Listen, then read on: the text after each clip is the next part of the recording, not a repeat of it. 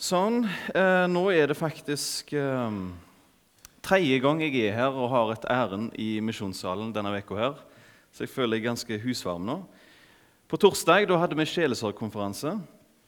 Da eh, var vi vel en 50-60 som var her. Det var regionen som arrangerte. Da var vi voldsomt følsomme, hele gjengen, og snakket om det. Og det var jo fint. På, fre på fredag eh, da var vi på loftet, en gjeng. Og Loftet er veldig bra arbeid, altså. Jeg er ikke der som fast leder sjøl, men jeg, er, jeg, har talt der noen ganger nå. Og hvis dere har ledig på bønnelista, må dere be for Loftet. For der skjer det kanskje enda mer enn det kan skje her, for å si det sånn. Der, det er tenåringer i, i, viktig alder der de skal ta valg, der de skal Ja, vi vet hvordan det er å kanskje være 13-14-15 år og, og videre. Be for loftet. Det er en fantastisk misjonsplass her på huset. Og så er jeg her i dag. Og det, det er dette jeg har grua meg mest til av alle ting. Jeg har egentlig ikke, sant, Vi har jo disse sendebrev og ulike brev. Og Philadelphia er jo kanskje det kjekkeste. Da. Det er nesten bare positivt. Åpen dør og muligheter. Så jeg tenkte det var kjekt å snakke om det. Men jeg merka at um, ja, Jeg merka jo det at Terje tok den sist gang, så det gikk ikke det.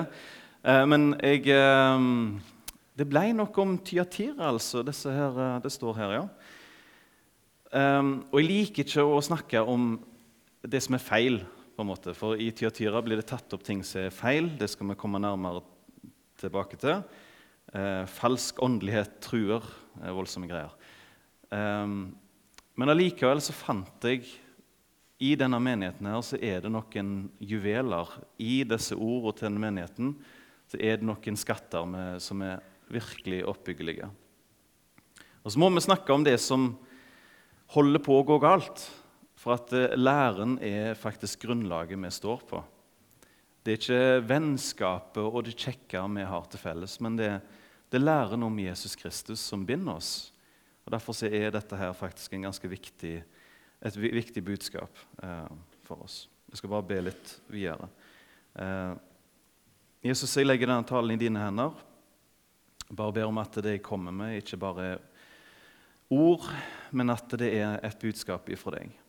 Jeg har lyst til å be om at vi blir oppbygd, blir inspirert og villige til å endre kurs om vi har gått inn på en feil retning i forhold til deg. Amen. Yes. Um, I denne her teksten her så finner vi altså ikke en jovial Jesus, som vi kan kalle han for det. Men det er en veldig sterk Jesus. Det er en av de sterkeste framstillingene vi har av Jesus i disse sendebrevene. Um, gjelder å skru det på, så funker den bedre. Sånn, ja. Det er jo den menigheten med lengst tekst, da, så den fikk jeg. Men uh, jeg har prøvd å streke litt unna og heve ut litt, sånn at vi har noen knagger på veien. så ikke det skal dette av. Så jeg har bare lyst til å lese den teksten sånn som den er, så skal vi pløye litt igjennom den.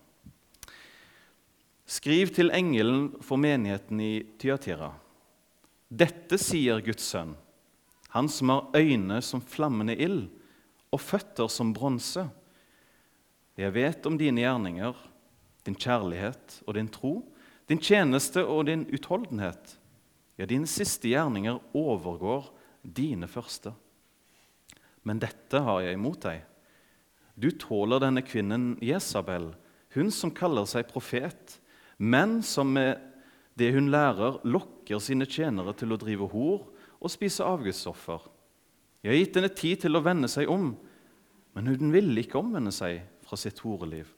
Se, nå kaster jeg henne på sykeseng, og de som begår ekteskapsbrudd med henne, kaster jeg ut i stor nød dersom de ikke vender om fra hennes gjerninger. Og barna hennes vil jeg drepe med pest. Slik skal alle menigheten få erfare at jeg er den som gransker nyrer og hjerter, og som gjengjelder hver og en av dere etter det han har gjort. Men dere andre i Tyatira, alle som ikke følger denne læren, og som ikke har kjent Satans dybder, de, som de kaller det, til dere sier jeg, jeg legger ikke noen andre byrder på dere. Hold bare fast på det dere har, inntil jeg kommer. Den som seirer og holder seg til mine gjerninger helt til det siste, skal jeg gi makt over folkene. Med jernstav skal han styre dem, og som lærkar blir det knust. Den samme makt har jeg fått av min far, og jeg vil gi ham, altså oss, morgenstjernen. Den som hører, hør hva Ånden sier til menighetene. Og så litt tørre fakta om Tyatira. Det må vi alltid ha litt av eh, når vi skal snakke om en plass som det. I dag så ligger du i Tyrkia, denne byen. Eh, det heter i dag Akhisar, eller noe sånt, med 168 000 innbyggere. Så det, en, det bor folk på den samme plassen i dag. Eh, I 1940, I 1940 så var en tredjedel av de som bodde der, i den byen, kristne. Eh, det er nok en del færre i dag, vil jeg tro. Og Arkeologer de hevder at byen hadde en fergeindustri, og at det var masse militære folk som var der. En stor militær eh, base. Og Det som er litt stilig med det der med fergeindustri, at de har funnet ut av at det er en fergeindustri der, er at det eneste vi har i Bibelen fra Tyatira, det er én plass, og det er om Lydia, som bodde i Filippi. Hun kom fra Tyatira, og hun drev på og solgte klær og purpurtøy. Så det var jo en farging av klær på en måte at hun holdt på med det. Så det er litt stilig at eh, når Bibelen kommer med sånne små detaljer Lydia kom fra Tyatira og drev med purpursalg. Så er det sånn at Arkeologer i dag sier at eh, ja da, i byen Tiatira der, der var det masse som fargeindustri. Så muligens hun var lei av å drive og selge. Det var metta marked. Alle driver og selger purpurtøy. Nei, nå gidder jeg ikke. Jeg går til Filippi jeg, eller en annen plass og søker lykken der. Det er stilig at uh, sånne små detaljer stemmer med arkeolog arkeologen. Ja. Dere skjønte hva jeg mener? Eh, det er litt tidlig på morgenen, så sånn er det. Syns jeg, da. Ok, men Mest sannsynlig så kom evangeliet til Tyatira fordi Paulus gjorde Efesos til et misjonssenter for evangeliet, sånn at de kristne gikk ut. Det syns jeg er veldig interessant. Og eh, Noen mener at Johannes òg var der og talte, men mest sannsynlig Paulus. Bare sjekk her. Paulus var i Efesos i to år, og der talte han i, til, på en skole. Eh, skolen til Ty Tyrannos het han. Eh, rektoren heter Tyrannos. Hadde du søkt på en skole? Rektor med Tyrannos. Ja, ja. Men Paulus var der iallfall, så står det i apostelgjerningene 1910. Om han talte Guds ord, så står det dette fortsatte han med i to år, slik at alle som bodde i Asia, altså Tyrkia-området, Lille Asia, fikk høre Herrens ord, både jøder og grekere. Og Det er litt stilig at Paulus talte én plass, på én skole som de leide, og Så kom det masse kristne og hørte på han. Og så var de kanskje enten tilfeldigvis innom, eller de hadde eh, Enten var de gjester, eller så var det folk som faktisk bodde i Efesos. For Efesos var en by med 300 000 innbyggere, så det var mange der på den tid. Og kanskje reiste de ut til sine slektninger, eller de reiste ut på businesstur, og så tok de med seg evangeliet ut. Sånn at hele et område, et land, fikk høre pga. én plass ble det undervist. Jeg håper jo at alle menigheter kan være på den måten der. At ikke, En menighet må ikke binde ressurser og gjøre at uh, ingen aner hva som foregår her inne. Men det må jo være sånn at vi er så trygge og blir satt Vi får såpass god lære og bygger hverandre opp, sånn at når vi er på jobben, så tar vi med oss det vi har lært. Det er levende for oss. Vi deler det ut til andre. Og Det var det som skjedde i Efsos de spredte det rundt. Og sannsynligvis så kom det til Tyatira. Det dette er bare forbildet på hvordan hver og en menighet skal være. Vi kan gå videre litt eh, på teksten. Det er ikke småtteri vi møter. Det er ikke Jesus eh, i en stall, i et herberge, bortgjemt. Men her er det kongenes konge som møter oss. Og Han møter oss på en veldig sterk måte. Beina er av kobber, av bronse, og øynene det lyser av flammende ild. Så det der med kobber er symbol på styrke. Det er jo noe sterkt eh, med beina. Han bøyer ikke for noen, men heller tvert imot. En gang så skal alle mennesker bøye seg for Jesus og bekjenne at han er herre. Både overjorda og underjorda og alle, for å si det sånn. Og så har han flammende ild. Han ser ikke på det ytre. Jesus ser ikke sånn som mennesker ser på det ytre, men han ser til hjertet, han ser bak kulissene. Han ser det ingen andre klarer å se. Og Hvorfor Jesus presenterer seg så sterkt, det har nok med å si, tror jeg, så jeg forstår teksten, at det er ei veldig sterk personlighet, Jesabel-dama, som står imot. Og Jesus kommer der ikke som en pusling. Han kommer der med full styrke og sier at denne manipulasjonen, dette greiene her, det finner jeg meg ikke i. Og så kommer han med et budskap. Ok. Um, det som skjer, Jesus begynner jo først med det positive da, med menigheten. Tilbakemeldingene Det er kjempebra menighet, dette her. Det er egentlig helt, helt topp. Hvis du bare ser vekk fra det negative, så er det en utrolig bra menighet. Mange gode gjerninger, rik på kjærlighet. Og den kjærligheten Det er ingen andre menigheter som har fått akkurat den kjærligheten påskrevet. At det har, det har du virkelig. Ta Efesos. Efesos hadde kjempebra arbeid, men de mangla kjærligheten. De var flinke på læren, og alt dette, men de mangla kjærlighet.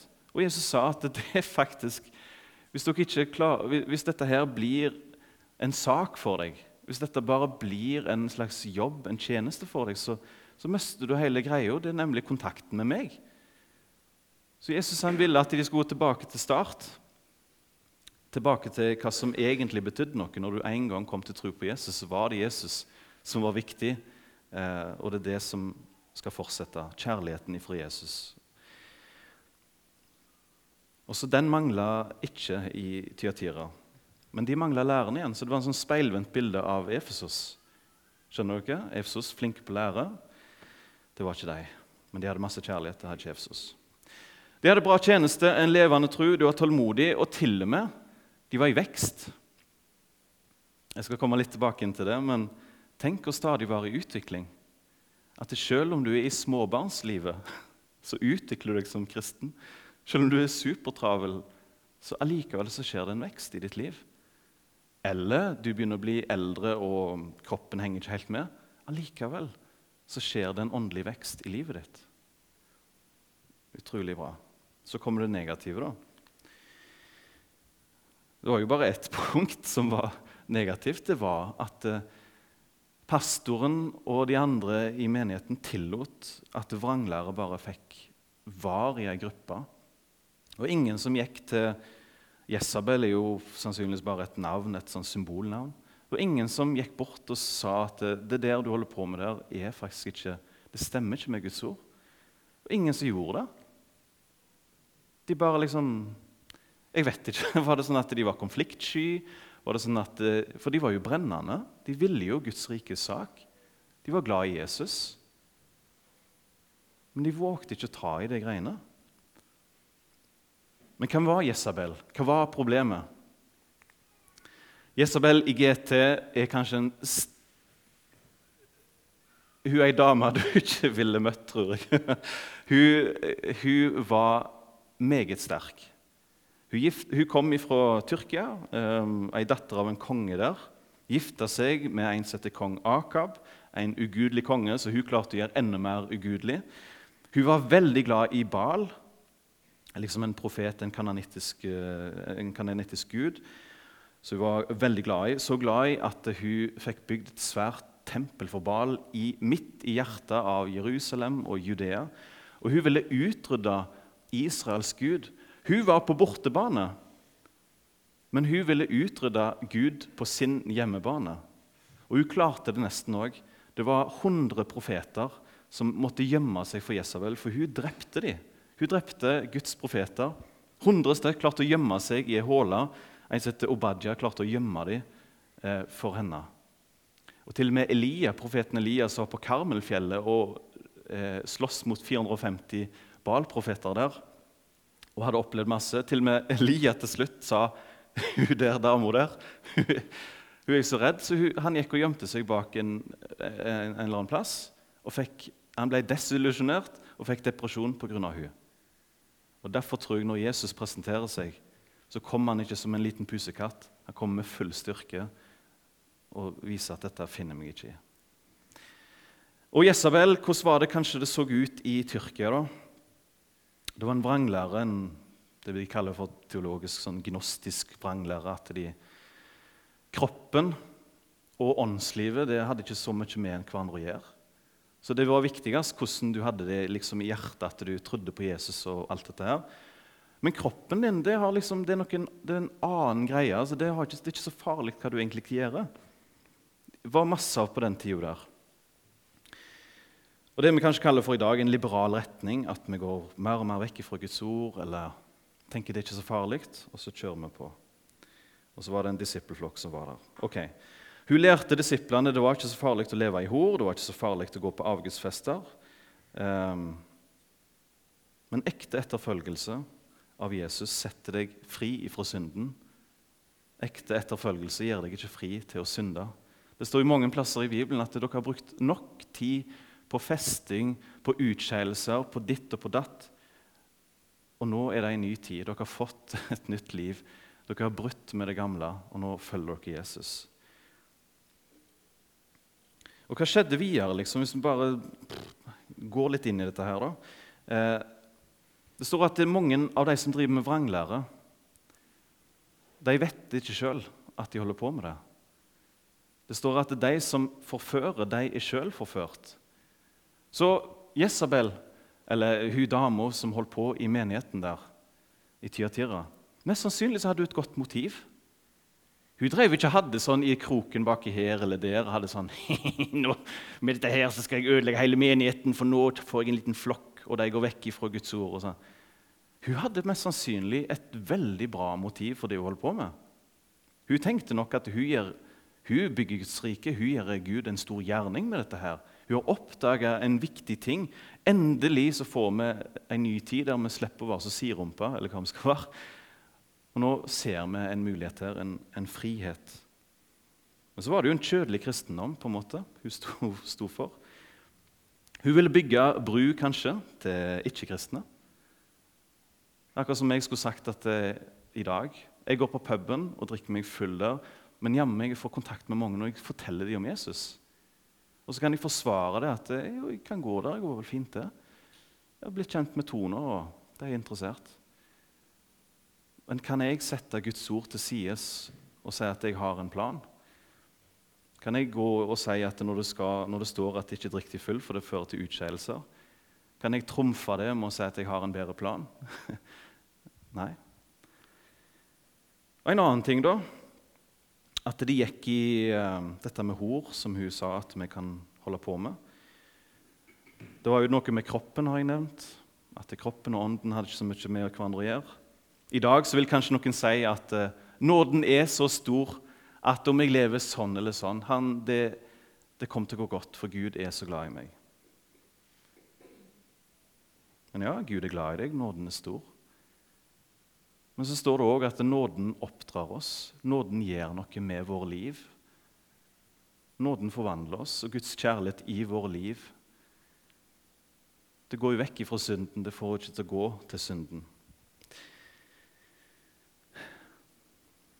Og så tipper jeg at en del kristne som var redde, som sleit med den kampen mellom synd og sånne ting Tenk å slippe, tenk å være kristen og slippe å kjempe imot synd. At du får det beste fra begge verdener. Så jeg tipper at det er en gjeng bare sånn åh, dette er herlig, nå kan vi slappe av. Vi kommer til himmelen, og vi får leve sånn og sånn. Og ingen mobber oss, for vi går jo i lag med de akkurat som før. Vi går på avgudsfestene og treffer vennene våre der som før. Ok, nå skjønner dere jo at jeg har bare spunnet litt rundt og tenkt høyt hva kan ha skjedd. Jeg har nevnt ting som ikke direkte står i Bibelen. Jeg har bare spunnet litt rundt. Hva kan ha skjedd? Men Jesus måtte refse dem. Og så refsa han òg først og fremst ledelsen, at vi ikke hadde våget å ta tak i det og tillatt dette. Og så gir Jesus dette, syns jeg er fint. Ta Jesabel, som er så sterk, den sterke personligheten. Så gir Jesus tid til omvendelse. Det syns jeg er fint at han gir henne tid. For han er glad i henne, og selv om hun faktisk leder hun leder mange andre vekk fra Jesus, så er Jesus fortsatt glad i henne og vil at hun skal omvende seg til ham. Jeg kan av og til tenke hvis jeg faller i synd eller noe sånt, at uff, nå, nå er Jesus skikkelig sinna. Men tenk om jeg faller i synd og faktisk får med meg ti andre, så er Jesus fortsatt tålmodig med meg og vil at jeg skal se han og komme tilbake igjen til han. Men hun ville ikke, står det. Hun ville ikke. Jeg vet ikke hvordan Jesus egentlig nådde inn og ga henne det valget. At nå må du vende deg om til meg, for han står jo, han har gitt henne tid, men hun ville ikke. Kanskje var det et stikk i samvittigheten som gjorde at når hun holdt på med dette utskeielsene, så var det et stikk, og kanskje fikk hun et eller annet ord fra Bibelen som viste at dette er kanskje ikke rett allikevel. Det var ingen mennesker som hadde våget å snakke til henne. Så sannsynligvis hadde Jesus kanskje gitt henne det stikket og sagt dette her er ikke rett det du holder på med. Og gitt henne tid til å tenke på det. Når hun ikke ville omvende seg, så fikk syndelivet konsekvenser. Det står at hun havna på sykeseng. Sannsynligvis kanskje, var det utskeielsene som gjorde at hun fikk en smitte, sykdommer, og Jesus bare tillot at nå, nå henter dette livet deg inn igjen, inn igjen, og du ligger på sykeseng. Og flere andre med hun òg fikk oppleve nød og vanskeligheter. Jeg vet ikke mer om det. Ehm, men jeg kan si at uh, Jesus fortsetter, så sier Jesus om alt det som har skjedd Dette er et ganske sterkt ord. Jesus kaller dette her som har skjedd nå, med denne falske læren, for Satans dybder. Når vi blir forført, når vi får en lære som ikke er fra Gud, og følger den, så kaller Jesus sjøl den for Satans dybder. For meg så betyr det at eh, vet du hva, det, det djevelen holder på med, er veldig dypt. Det er veldig smart. Når han lurer oss, er det ikke en sånn vi prøver det. Det er en gjennomtenkt plan for å lure oss. Så skjuler han sporet, så vi aner ikke at det er han som holder på.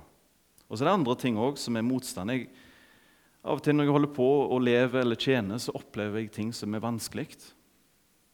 Eh, jeg skal ikke lage masse eksempler ut av det, men jeg, av og til så erfarer jeg på en måte hvorfor i alle dager er ting så tungt nå. Og Heldigvis så har Jesus for oss gjennom Bibelen avslørt at vi har en fiende. Og Vi skal ikke gå og lure for lenge og heller komme til han og legge alle ting framfor han når vi opplever motgang. Og Hva kan det si til oss, alt dette her? Hvordan kan dette være aktuelt for oss i dag? De tru og truens innhold, ditt gudsbilde,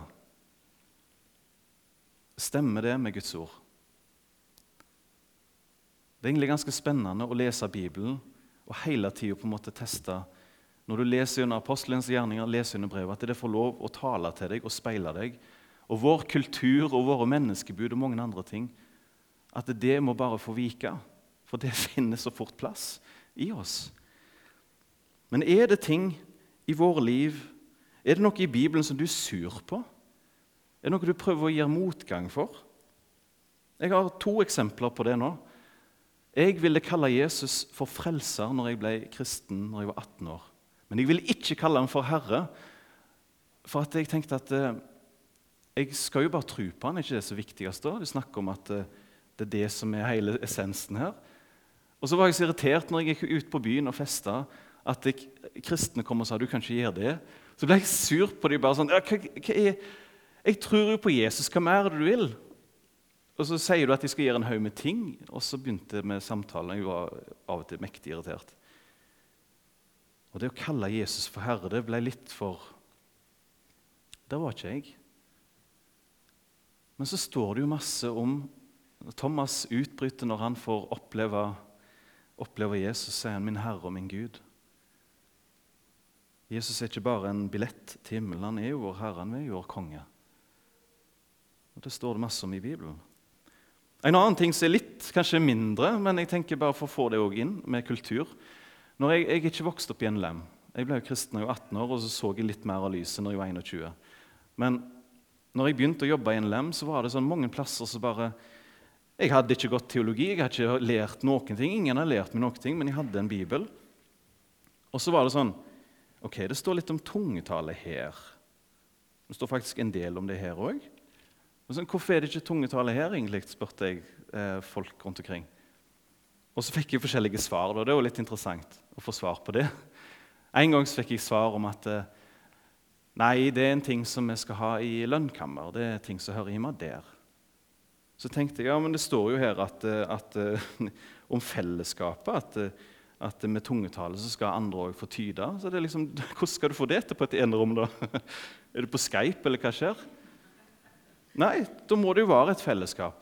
Og så fikk jeg et annet svar som var litt mer sånn i dybden. Det var at det, jo, nei, på var noe sånn 70-80-tallet så, så, var det sånn at det, det, tok helt av med det der. Og de hadde tungetale, og de klatra gardiner, og det var ingen ende på hvor gale det ble. Og Da putta de jo det med å klatre gardiner og tungetale i samme bås. Og bare at Når sånne ting begynner, så er det best å bare holde det litt vekke, for det fører mange andre ting med seg. Så bare sånn, ok, Skal én ting som skjedde på 80-tallet, bare sånn konke ut et par sider i Bibelen? bare sånn, ja, det der 80-tallet, ja, nei, det får bare, ja, ja. Og Så kom jeg i Salem, og det var ikke kultur for det. Jeg merket når vi snakket om tungetale, så spurte unge er det greit. Og da er det jo, For du er barn av barn, og sånne ting, og du har hørt om dette her, at det er litt farlig med tungetale. Jeg jeg ble irritert. Så sa jeg til Gud at uh, det er én ting du må gjøre mens jeg er i Salem, det er at vi skal ha tungetale. Det var et av mine sånn, mål. Og så ba jeg om det, at vi skulle få det. Snakket litt om det i undervisning, snakket med møtelederne, sånn at de var forberedt på hvis det skjedde. Og hva de skulle gjøre og sånt. Uh, en grei rutine på det. Og så var det bare to-tre møter igjen før jeg skulle gi meg. Og jeg tenkte nå, Gud, nå er det bare to møter igjen. Og så kom det hjemme meg en fyr skikkelig nervøs bort til meg og bare sånn Du, du, du, du jeg, um, jeg, jeg, lurer på om jeg har tungetale. Er det greit her? Så jeg bare Yes! Kjempefint. Og så gikk jeg bare fram og så sa jeg at uh, akkurat som det er en som sier at du skal ha et vitnesbyrd, så sa jeg bare at uh, når det er en som vil ha, ha noe på hjertet, så får vi høre hva han har å si. Så gikk han fram og så delte han tungetalen. Så sa jeg bare er det noen som har tydningen her. Når ingen hadde tydning, så ba jeg. og ber vi Gud om at du får noe som har tydning. Så kom det en etterpå. Jeg lurer faktisk på om jeg vet hva han sa. Og så delte han det. Eh, og så tenker jeg bare sånn at så mange ganger jeg har møtt motstand imot den sida i Guds ord. Og så tenker jeg, Hva er det som egentlig teller, Guds ord, eller hva vi har erfart på 80-tallet og forskjellige menneskebud?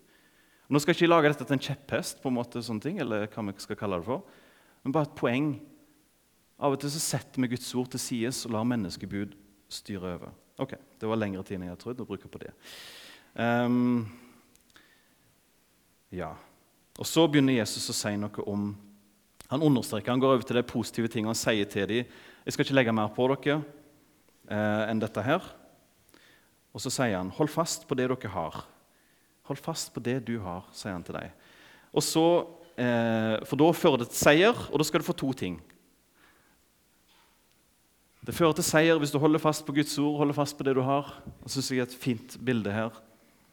Med Jesus står foran det nye riket, så står det en plass i åpenbaringen, og dere skal herke, herske som konger i all evighet. Vi skal ikke inn og sitte på ei sky og spille harpe, tror jeg. Jeg tror faktisk vi skal være i en aktivitet i himmelen og i en tjeneste og, og alltid få ære Han og prise Han. Og det vil være funksjoner, og det vil være hva skal jeg si, Det står jo at de, det er et system i himmelen. Det er ikke bare skydotter som vi raler rundt på. Vi skal få være der og gjøre noe i himmelen. Det andre at vi skal få morgenstjernen. Dette er egentlig av de, noe av det fineste med hele denne budskapet til Tyatira. Vi skal få morgenstjernen, og det er Jesus sjøl, står det i slutten av åpenbaringen. Og i Peter òg sier litt om morgenstjernen. Og desto fastere har vi det profetiske ord, som dere gjør vel i å holde fast på, som et lys som skinner på et mørkt sted, inntil dagen gryr og morgenstjernen går opp i deres hjerter. Og desto fastere har vi det profetiske ord, som dere gjør vel i å holde fast på, som et lys som skinner på et mørkt sted, inntil dagen gryr og morgenstjernen går opp i deres hjerter. Dette er mye vakkert. Her ser vi at Guds ånd sier det samme i Peters brev om morgenstjernen, og sier om morgenstjernen at det er en ting du skal få i åpenbaringen. Og Hva skjer egentlig til i dette verset? Jo, midt i en brutal og mørk verden som vi er, så er det et lys som skinner i våre hjerter. Du som tror på Jesus, det lyset er Jesus sjøl. Og nå kommer noe litt stilig. Dette her er bare dere som har rangla på nettene, som vet om. Men det er en eh, planet som heter Venus, som også blir kalt for morgenstjernen. Og dette her med Venus eh, den, det, er en planet som faktisk går opp sånn i firetida på natta eller rundt der om morgenen. Så går han opp, og så når den begynner å nå en viss høyde, så kommer sola, og så er det ny dag. Så morgenstjernen er et symbol på at nå, nærmer, nå er natta snart forbi. Problemene er forbi.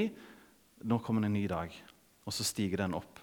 Um, og Det som jeg synes er litt stilig her, at det, det, virker som for meg at Jesus bare har lagd, når han skapte verden, universet, så bare plasserte han Venus på en sånn måte, og så skrev han i Bibelen, eller fikk ånda til å skrive inn disse ordene her, som stemmer med morgenstjernen, at det var et poeng, et åndelig poeng for oss kristne. Eh, for jeg og du, da. Jeg og du. Eh, Jesus vil at vi skal lyse til Jesus skal lyse sterkere og sterkere jo nærmere Jesu gjenkomst kommer. Og en dag når det lyser på det sterkeste, og, og så kommer han igjen. Det er det han ønsker, eh, en utvikling. Helliggjørelse, at stjernen Jesus skal stige opp i våre hjerter, er for meg et bilde på at målet vårt som Jesus' disipler er at han vinner mer og mer skikkelse i oss etter hvert som vi lever. For Gud kalte oss ikke til urenhet, sånn som Jesabel og co. drev med, men til helliggjørelse. Og Her er det mange kristne som stopper opp. De vokser ikke lenger. Og Jeg vil bare si, jeg har sittet og hatt konfirmantundervisning. Og så ser jeg ei 14 år gammel jente som er kjempenysgjerrig, som stiller spørsmål, som er, er med på undervisningen. Og Så dulta jeg borti en kompis av meg på den undervisningen og sa jeg, hun der jenta som sitter der, hun kommer dere til å se masse igjen av. Det viste seg at hun jenta ble en kristen. Du kan liksom se de øynene at, at de er interessert, de følger med. Eh, og Så ble hun kristen, og fortsatt i dag så er hun med og tjener og eh, ti-tolv år etterpå og er aktiv og herlig jente. Og så syns jeg det er så trist av og til. Jeg har ikke lyst til å bli, bli sånn som ikke er interessert lenger. Så det er sånn at eh, ja, jeg har hørt det før, så mister den der gløden, så mister interessa. Har lyst til å være som ei 14 år gammel jente som hver gang Bibelen blir åpna, er jeg nysgjerrig på hva vil Gud si til meg nå. Den der tørsten, den der eh, reise, eh, hva skal jeg si, reisenysgjerrigheten. Og Jesus vil vi skal vokse og forandre oss. Og Så kan vi unnskylde oss. Du var litt inne på det med travelhet. Vi kan unnskylde oss at det blir nok bedre tider. Men bare glem det. Vi kan be ærlig bønn om at Jesus må vise oss hvordan han fortsatt kan virke i oss i den livsfasen vi er i nå enten ung, midt på treet eller gammel. Og Caleb, en kompis til Josfa, var 85 år og hadde fortsatt bevart erobringstrangen og sa 'Gi meg et fjell der oppe, den landsbyen, og erobra den'. Veldig bra. Når tida er inne, så vil Jesus hente oss. Vi skal ikke være i mørket, men Gud sjøl vil være vår sol, vårt lys, det eneste vi trenger i all evighet. Jeg syns det er vakkert skaperverk. Um, jeg har bare lyst til å be ei, ei bønn til slutt og runde av med det. Kjære Jesus, takk for den illustrasjonen du har vist oss gjennom skaperverket. At du, du vil at ditt lys i våre hjerter skal bare stige og stige, at du skal bli større og større for oss. Helt til den dagen du enten vi dør eller du kommer og henter oss igjen. Takk at du ikke vil vi skal være her som foreldreløse barn, men at du vil ha et nært forhold til oss. Og Derfor gi oss innsikt i ditt ord, sånn at vi kan bevare den sunne lære som er i stand til å gjøre alt dette her og bærer frukt i våre liv. Jeg har bare lyst til å be om at menneskebud og kultur som ikke er bra for oss, at det kan gå vekk. Og òg hvis det kommer vranglere snikende inn, at du må beskytte oss for det. Men jeg ber om at ditt lys Jesus, må skinne sterkt i våre hjerter, akkurat som Venusstjerna eh, skinner mot dagen. I Jesu navn. Amen.